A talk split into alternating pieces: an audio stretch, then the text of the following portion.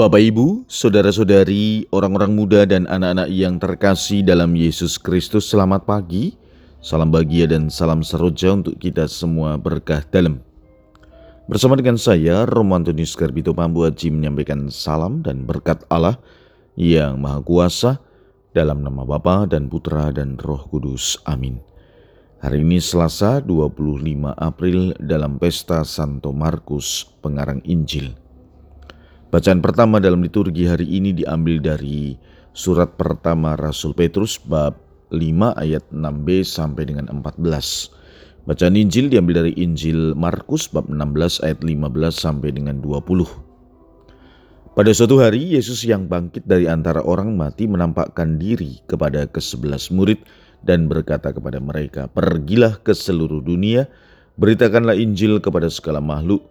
Siapa yang percaya dan dibaptis akan diselamatkan, tetapi siapa yang tidak percaya akan dihukum.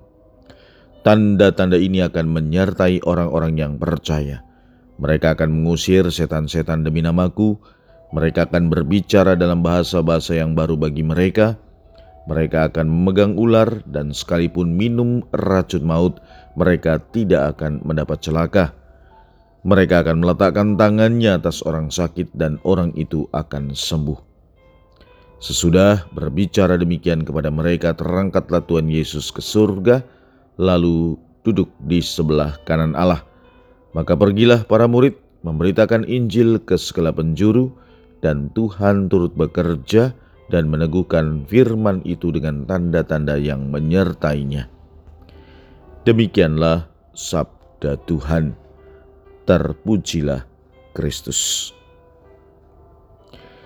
Saudara-saudari yang terkasih, dalam pesta Santo Markus hari ini, penulis Injil Markus menegaskan perintah Yesus.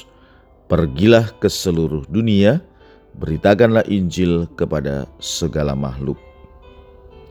Kalau kita membaca dan merenungkan sabda Tuhan yang tadi kita dengarkan, paling tidak ada empat hal yang bisa menjadi bahan permenungan kita terkait dengan perintah Yesus, pergilah ke seluruh dunia, beritakanlah Injil kepada segala makhluk.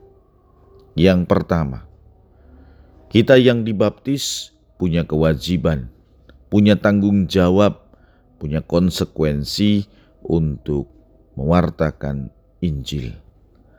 Pewartaan Injil ini bukan menjadi tugas semata-mata para imam, biarawan, ataupun biarawati, tetapi menjadi tugas gereja kita semua. Sebagai murid Yesus, bertugas untuk melaksanakan pewartaan Injil itu. Apa bentuknya?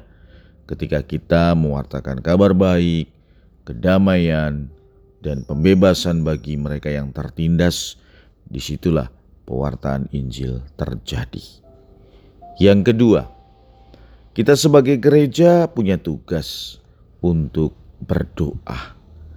Dalam berdoa, doa yang disampaikan adalah doa yang membawa kesembuhan, baik secara mental, fisik, spiritual, ataupun emosional dan sosial. Maka sebagai murid Yesus kita semua dipanggil untuk ambil bagian dalam karya penyembuhan kemanusiaan dan keutuhan ciptaan. Yang ketiga, Yesus menjanjikan Roh Kudus dan memberikan kuasa kepada para murid. Kita adalah murid-murid Tuhan. Kita menerima Roh Kudus, dan Roh Kudus itulah yang menjadi sumber kekuatan dan keberdayaan kita di saat-saat lemah, memberikan harapan di saat takut atau putus asa, dan memberi makna pada kehidupan dalam segala situasi. Yang keempat, Injil hari ini menegaskan bahwa Tuhan akan selalu menyertai para murid.